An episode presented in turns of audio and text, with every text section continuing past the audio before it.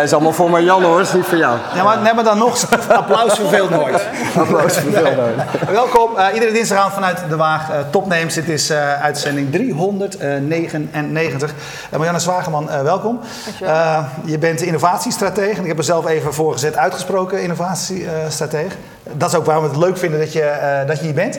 Eh, deze week verzucht hij op eh, Business News Radio, BNR waarschijnlijk gewoon gezegd... dat de klassieke mediabedrijven steeds maar navelstaren. Dat, dat concludeer je al wel een paar jaar, denk ik. Maar wanneer houdt dat op?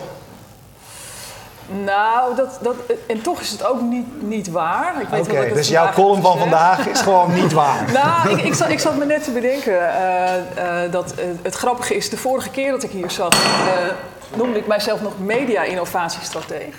Ja. Omdat ik toen vooral mediabedrijven. Ja, wij, we hadden de toekomst. discussie over, ben je Ja. nou innovatiestratege of Nee, mediastratege? inmiddels ben ik eh, innovatiestratege. Nee, ik ben geen mediastratege, dat is een heel ander vak. Eh, maar voorheen hielp ik eigenlijk alleen mediabedrijven met hun toekomst vorm te geven. En inmiddels zijn dat steeds meer hele andere bedrijven. En wat dan heel leuk is om te merken, dat je ehm, eh, zoveel, ja, eigenlijk toch wel voorloopt in de mediawereld als het gaat om veranderend consumentengedrag en noem het allemaal maar op.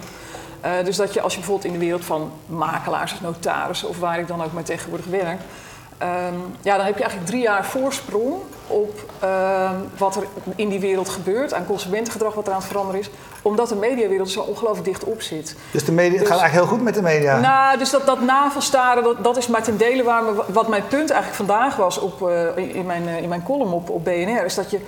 Eh, en, en dat zie ik dus, dat is eigenlijk ook wel een soort centrale boodschap in al mijn innovatieworkshops. Dat mensen hangen heel vaak heel lang het verkeerde geloof aan.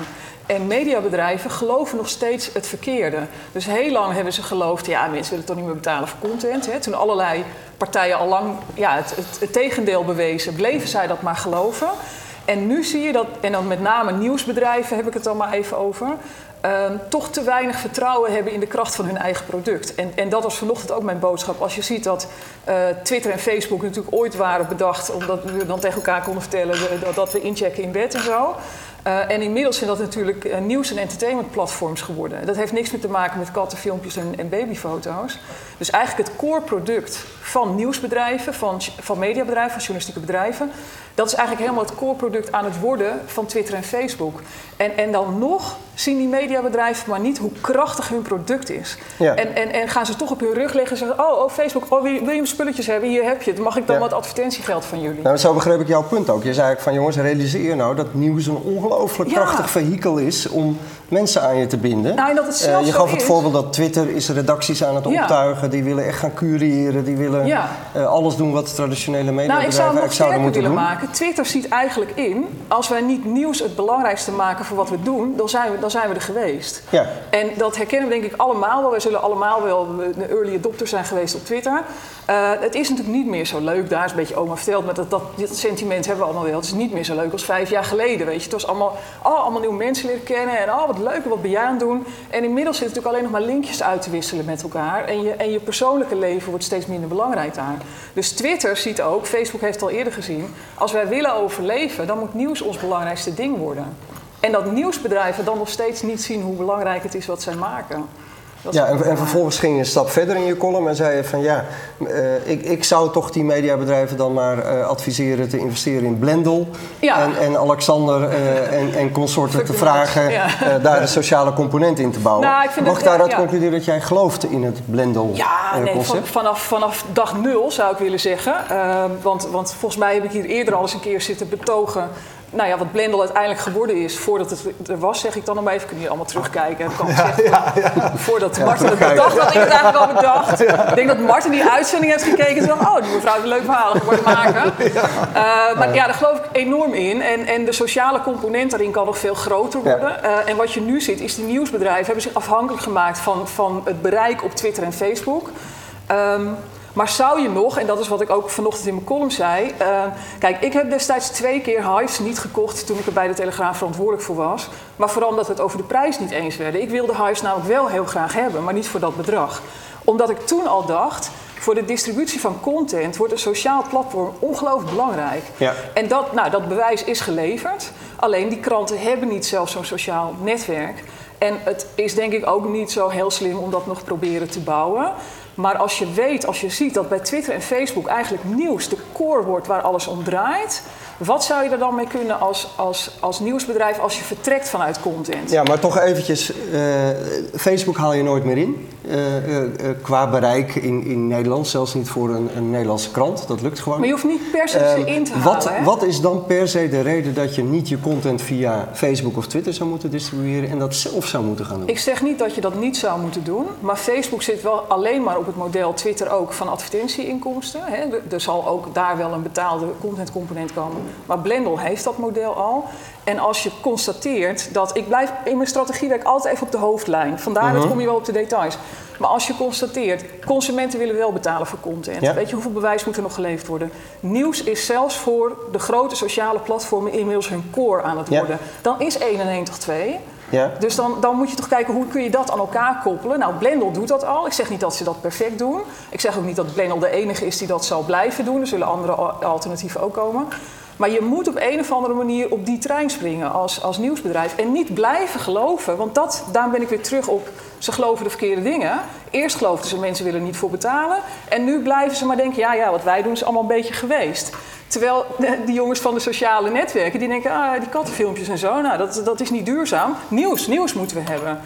En, en daar, daar ergens zit de oplossing. Ja, hoe kijk jij dan naar een bedrijf als eh, Vice in, in, in Nederland? En Ja, nou, dat vind ik ongelooflijk interessant. Ongelooflijk interessant. Want in dat, eh, in dat hele nieuws maken, hè, da- daar zit toch mijn passie zit bij, bij journalistieke bedrijven. Ja, bij ons allemaal. Eh, ja, bij, bij wie Ja. niet. En, en, en ja, video blijft er ongelooflijk belangrijk in. En ik ben bijvoorbeeld ook heel kritisch altijd op, op de Telegraaf Mediagroep, waar ik zelf dan vandaan kom. En heb heel hard gepleit voor het ontslag van Jules Paradijs en zo. En dan wordt er altijd gezegd van ja, de Telegraaf die, die heeft niet ge- geïnnoveerd.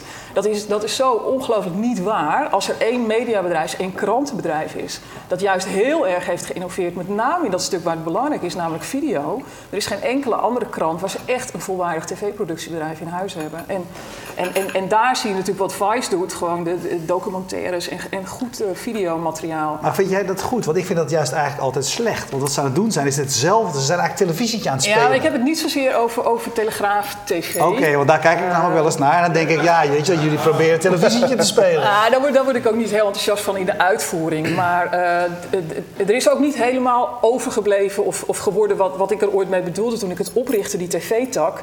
Ehm, maar daar zat gewoon een volwaardig tv-productiebedrijf. Dat bijvoorbeeld ook voor Omroep Max, voor de Tros, voor SBS, maar ook voor WNL alle programma's maakte. Nou, daar heeft het Commissariaat voor de Media volkomen onterecht een stokje voor gestoken. is to- totaal belachelijk. Hè? Dus onze man in Teheran die heeft nu de Nipkoff-schijf gewonnen. En dan wordt er in de motivatie gezegd... ja, het is ook vooral heel interessant dat het programma ook is uitgezonden bij de New York Times. Dus een buitenlandse krant mag wel eh, met een publieke omroep in Nederland samenwerken. Maar een Nederlandse krant, hè, die staat allemaal op omval en oh, wat maken we ons zorgen, die mag het niet. Dat wordt serieus tegengewerkt door het commissariaat van de media. Ja, vind ik zo volkomen debiel. Ja, vraag je, eh, Michiel Berger zegt, wat zou Blendel als volgende stap moeten doen? Nou, Blendel moet in ieder geval. Blendel doet gewoon bijna alles eh, al, denk ik, heel erg goed. Ehm, maar ik denk dat ze meer nog ehm, die kranten echt moeten betrekken. En nu zit iedereen er toch nog zo'n beetje naar te kijken: van nou ja, interessant, maar we kijken wel even. Eh, maar het belang bij die, bij die uitgevers moet duidelijk worden. En in de uitvoering kunnen ze die sociale component nog veel meer benutten. Ehm, en ook bijvoorbeeld in het, eh, nou ja, volgens mij wat ik hier een paar jaar geleden al betoogde, van gebruik die lezers nou als krantenjongens om die content verder te brengen. Maar daar kunnen ze nog veel verder mee gaan. En dat kunnen ze ook meer gaan belonen, meer gaan stimuleren. De doorgeeffactor bijvoorbeeld, als ik een krant koop, geef ik hem daarna aan jou. Zo zijn we gewend onze content te delen. Dat kan in Blendel bijvoorbeeld Ja. nog niet. Dus je kunt met die, wat zijn het nu, 200.000 of zo mensen die actief daarin meedoen, dan kun je in één klap een miljoen van maken. Als ik het artikeltje wat ik heb gekocht ook aan drie mensen weg mag geven. Hey, dan kan die olievlek veel sneller. Ja, het wordt, eh, Blendel wordt vaak omschreven als eh, de iTunes van de, eh, eh, van, van de journalistiek. Eh, en, Ja. en als ik dan zeg iTunes is al dood, eh, weet je wel, kom op. Spotify, dat is toch geen... Dat, dat- Nee, kunnen we die, kunnen we die, dat- tussen, dat- dat kunnen we die ik- tussenfase niet overslaan? Ja, maar dat, dat, dat vind ik een beetje onzin, want dat is heel erg een momentopname. Eh, want het kan morgen weer anders zijn. Hè? Dus, dus kijk, je moet volgens mij toch op de hoofdlijn even blijven zitten. Mensen willen betalen voor content. En content is het allerbelangrijkste, ook voor sociale netwerken. Dus, dus als je die vasthoudt, dan kun je de uitvoering nog wel eens een beetje zo. Maar in principe kun je het dan eigenlijk niet fout doen. En of je dan, ja, ik ben juist heel erg tegenstander van die verslaving die mediabedrijven hebben aan het abonnementenmodel. Jullie ook. Ik moet dan weer abonnee worden. Waarom? Nee, je mag, ook gewoon, je mag ook gewoon geld overmaken. Dat is ook geen Nee, probleem. maar, waarom, nee, maar van die 400 afleveringen die jij maakt, wil ik er misschien vijf kijken. En dan wil ik daar heus wel voor betalen. Maar, maar eh, die verslaving aan abonnementen, die past gewoon niet bij wat ik de swipende generatie noem. Hè. Ik hoor daar zelf ook een beetje bij. Ik ga niet meer naar kantoor. Ik heb niet meer een vast huis. Waarom zou je? Er is Airbnb. Ik heb geen vaste relatie. Waarom zou je? Er is Tinder. Dus we, we swipen onszelf door het leven heen. Eh, maar mediabedrijven willen maar gewoon, nou, wat ik laatst ook een keer zei, van ik wil gewoon een plakje, maar ik moet de hele koe, die koe wordt door mijn strot geduwd. Ja, Ook dus jij, jij gelooft uiteindelijk, jij gelooft dus uiteindelijk Ook veel ons meer. is niet helemaal Jij gelooft dus Al die uitzendingen kun je gratis bekijken. Nou ja, jij dat gelooft- vind ik helemaal. Nee, voel je nou niet zo aangevallen. Jij gelooft dus niet? uiteindelijk veel meer in dat, in dat eh, eh, on-demand, het pay-per-view eh, model. Ik geloof dat je de consument moet volgen. En als de consument, als de consument zich steeds minder vast wil leggen op alles. Hè? We leven in een maatschappij vol bindingsangst. Niemand wil zich eigenlijk meer vastleggen. En ehm, ik zeg dat bijvoorbeeld ook tegen makelaars of notarissen. Die zitten in de industrie van de binding. Die willen heel erg mensen met contracten aan elkaar verbinden. En, en, en, en dat is echt tegengesteld aan waar de maatschappij heen ontwikkelt. En daar moet je in mee. Ja. En als je dan als uitgever nog steeds zegt... oh, jij wil, jij wil een plakje, maar ik verkoop alleen een koe. Weet je, dat is hetzelfde. Ik zeg altijd, die uitgevers moeten hele goede content retailers worden. Er is Ja. nog niet één in de hele wereld die dat goed doet. Ja, maar nou heeft Bram Koster op Twitter eh, wel een punt. Blendel is natuurlijk geen mediabedrijf, maar een softwarebedrijf. Eh maak- maken zelf totaal geen nieuws content. Dus dat model is allemaal wel leuk. Maar Ja, hoe, hoe maar financier je nou uiteindelijk de, de Ja, maar productie dat is van die precies wat content? ik bedoel. Dat is, dat, is, dat is waarom ik vind dat die, dat die aandeelhouder, of die eh, kranten er allemaal als aandeelhouder in zouden moeten stappen. Omdat uiteindelijk kranten kunnen niet zelf een technologiebedrijf worden. Dat past gewoon niet bij hun DNA. Dus dat moet je buiten de deur parkeren. Als je dat als krant zou Zeg je willen. dat niet veel te makkelijk? Je ziet tegenwoordig overal bedrijven die eigenlijk zeggen van ja, we hebben geen toekomst in wat we waren. We worden een softwarebedrijf, onvermijdelijk. Ik denk dat heel veel dat gewoon echt niet kunnen. En ehm, als je wilt innoveren, dan moet je altijd daar naartoe waar je nog niet was. En, en dat is ook eigenlijk de belangrijkste boodschap in mijn, in mijn innovatieworkshops. Dan, ik, mijn eerste vraag is altijd: oké, maar waarom willen jullie innoveren? En ik krijg nooit het goede antwoord. Ik krijg nooit Wat het is het antwoord. goede antwoord? Het goede antwoord is: oké, ik doe nu dit, maar ik, ik zie mogelijkheden naar. Mijn hoofd ploft uit elkaar. Als ik zie de kansen, de technologie, de veranderende maatschappij, wow, ik wil daarheen. Ze willen nooit daarheen. Ze willen de winst vasthouden of, of het nageslachten, een toekomst, weet ik veel Ja, wat ze willen. defensief. Maar het is nooit de goede motivatie. Het is altijd een bedrijfseconomische wens en het is nooit vanuit wow, ik zie kansen en daar wil ik heen. En, en, en, en dat zou je motivatie moeten zijn. En, en als dan ehm, je niet een geschiedenis hebt in technologie en het zit ook echt niet in je DNA, dan ga je daar nooit goed in worden. Hé, maar hoe haal jij lol uit die eh, innovatiesessies van je? Kom op, die accountants die gaan ook niet naar huis straks en dat ze het wel gaan doen. Dus je verdient ermee, mooi, weet je Ja. wel. Maar waar, waar word je gelukkig van als je dit doet? Ik word daar heel gelukkig van. Omdat, weet je waar ik gelukkig van word? Ik zag, Als je laatst, ik zag laatst een foto van jou ergens op een of andere steiger met 18 mannen in pak. Ja, dat En is wel heel met- erg in pak. Ja. En dan stond jij dan zo tussen. Ik denk, heb Ja, maar ik dat was bijvoorbeeld een hele mooie maar dan heb je een hele leuke dag gehad. Ja, want toen was ik bijvoorbeeld ingehuurd door een, door een grote kopie- Ja, kopieermachinefabrikant. precies. Dat was een Rico en, of en, zo. eh, Xerox. Xerox. En, en, eh, en, die, en die, die hadden dan al hun klanten uitgenodigd. Nou, die klanten die gaan natuurlijk allemaal failliet en die vallen om. Want ja, die hebben fabrieken vol kopieermachines. Ja. Waar En papier... niemand wil ze. Nou ja. En, en hadden mij dan ingehuurd van, goh, die, die- uiteindelijk moeten ze natuurlijk nog minimaal één keer zo'n machine kopen. Dus om ze een beetje het gevoel te geven dat ze nog, nog een toekomst hebben. En, en dan begin ik dus bijvoorbeeld ook echt met dit verhaal. Dus dan, dan, dan, dan loop ik ook door die zaal en dan vraag ik dat ook. Eerst vraag ik, wie doet er hier niet aan innovatie? Nou, dan gaat er nul, nul vingers in de lucht. Want nee, iedereen doet innovatie. Ja, dat is bij ons een continu proces. Nou, vooral iemand die dat dan roept, die is meteen aan de beurt. En, en dan vraag ik dat ook. Van, oké, maar vanuit welke motivatie doe je dat? Ja, passie voor innovatie. Maar ik krijg, ik krijg dan ook meteen nooit het goede antwoord. En als ik dan zie dat zo'n zaal stilvalt... en het wordt zelfs wel eens emotioneel ook. En ehm, ook omdat ik ze dan... En, en daar haal ik dan echt heel veel voldoening uit... dat ik ze dan ook eh, voorhoud... het hoeft niet, hè? Het hoeft niet. Je kunt ook voor het sluitingsceremoniemodel gaan. Als jij eh, als land de Olympische Spelen krijgt toegewezen. Nee, maar dat is een hele serieus. Als jij de Olympische Spelen krijgt toegewezen, of het EK voetbal, of WK voetbal, dan weet je één ding zeker: over acht jaar zijn we allemaal werkloos vallen de stadions weer in elkaar. Dus we gaan acht jaar aan de slag en daarna is het voorbij. En toch zijn die mensen niet met hangende schoudertjes van, nou ja, waarom ben ik dit aan het doen? Of ach, joh, ik heb geen toekomst meer. Nee, de sluitingsceremonie is altijd de mooiste dag van het evenement. En zo kun je hem ook insteken. Dus dan zeg ik ook tegen die man: je kunt ook gewoon zeggen: Oké, ik heb nog één keer zo'n ding bij Xerox. Ik reken dat even goed door. Over acht jaar alles afgeschreven. Strik erom, hut Klaar. verkocht. Tegen Ja. mijn kleinkinderen zei: "Joh, Opa gaat wat anders doen.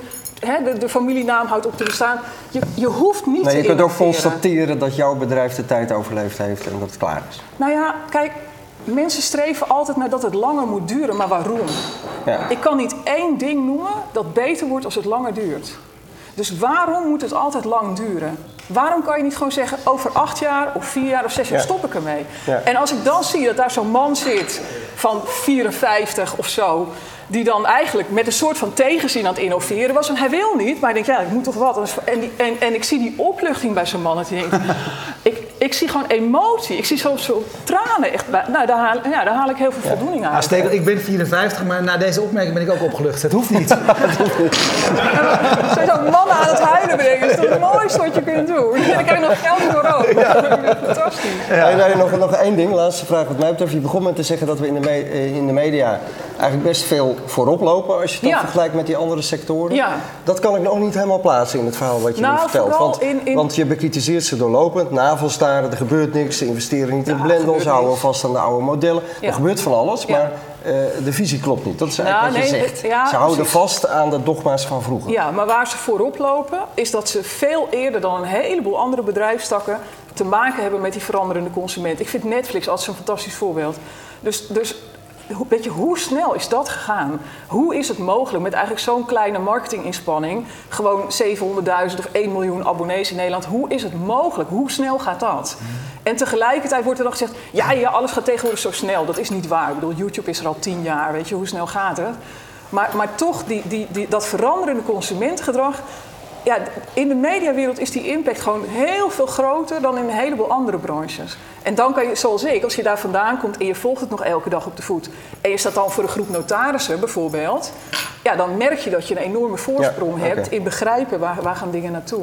Tot slot een vraag van Twitter, eh, van Mark de Kok. Is, eh, Er zitten alleen maar mensen in de zaal hier ja, tuurlijk, dat geeft toch helemaal niet. Dat ook Kijkt er gewoon helemaal niemand. Dat, he- dat hebben we ook tegen ze gezegd. Je mag alleen maar, als je een vraag wil stellen, moet via Twitter. Ja. Dus is innovatie gelijk aan ondernemerschap in de definitie die jij net gaf? Innovatie is namelijk enthousiast worden van de mogelijkheden die je allemaal ziet. Nee, innovatie heeft voor mij maar met één ding te maken. En dat is ook echt mijn motto. Je wilt verder naar waar je nog niet was.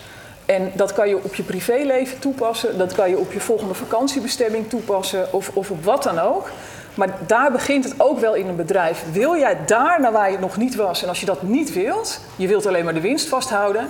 Stop dan maar. 75% van de innovatie is mislukt. Daardoor. Daardoor. Je moet zelf echt ergens anders naartoe willen. Hey, dit soort dingen gaat altijd van iedereen heeft dan een laatste vraag. Jij hebt net jouw laatste vraag gehad, ik heb nu mijn Daarom hou ik nu Ja. Ja, dit was hem, hè? Ja, nou, nee, die komt nu nog. Bram Koster, nou, ik vind hem- hij is wel interessant natuurlijk. Hij zegt, waar, waar zit jouw eigen eh, innovatie? Wat doe jij anders dan een jaar geleden? Eh, ik ben nu bijvoorbeeld eh, eh, eh, zeer overtuigd economisch mobiel. En eh, gek genoeg kwam ik daar een soort van per ongeluk achter. Ik zat, ik zat op Bonaire en, en eh, jullie volgende gast die, eh, die zit daar Zit ook regelmatig. Ja. daar ga je echt dood van verveling. Eh, dus ik, ik zat daar de kerst te ontvluchten en was daar gewoon lekker aan het werk. En toen dacht ik, hé, hey, dit is wel bizar. Ik zit mijn BNR-column hier op te nemen en ik zit hier gewoon alles te doen. En, en, en, en toen drong eigenlijk tot mij door, ik heb al die vrijheid. Ik hoef nooit meer naar kantoor, ik heb geen, geen vast... eh, eh, nou ja, niks is in mijn leven is vast eigenlijk. Ik, wou zeggen, ik heb geen vaste relatie, dat had ik toen wel, maar dingen gebeuren en zo. En eh, toen dacht ik, wacht even, waarom, waarom werk ik altijd in de ijsbreker als ik gewoon... Ik kan, ja, kan ook aan het strand zitten gewoon. Er is altijd wel ergens een strand waar het fijn is. En eh, dus toen heb ik tegen mezelf gezegd, daar op Bonaire was in december vorig jaar.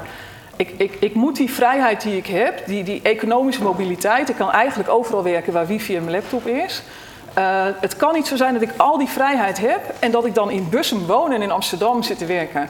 Dat kan niet waar zijn. Als ik overal in de wereld zou kunnen werken, waarom is het dan hier?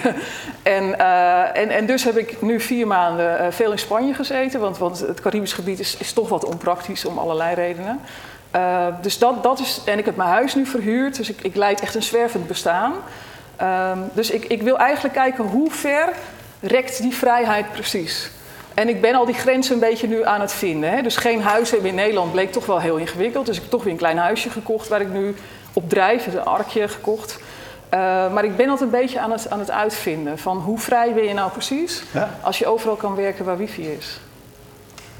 Ik vind het een mooie eh, conclusie. Ja, ik ook. Stekel heeft een boot en die, eh, die boot die brengt hem waar de wind, eh, waar, altijd, ja, waar, waar de, de wind gaat.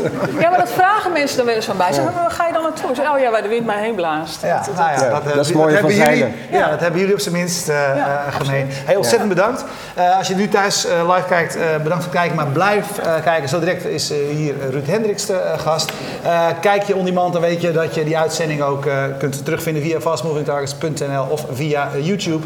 Dank aan Streamzilla uit Groningen die al vier jaar lang zorgt dat eh, deze uitzending live eh, thuis te kijken is. En tot zo. Dag.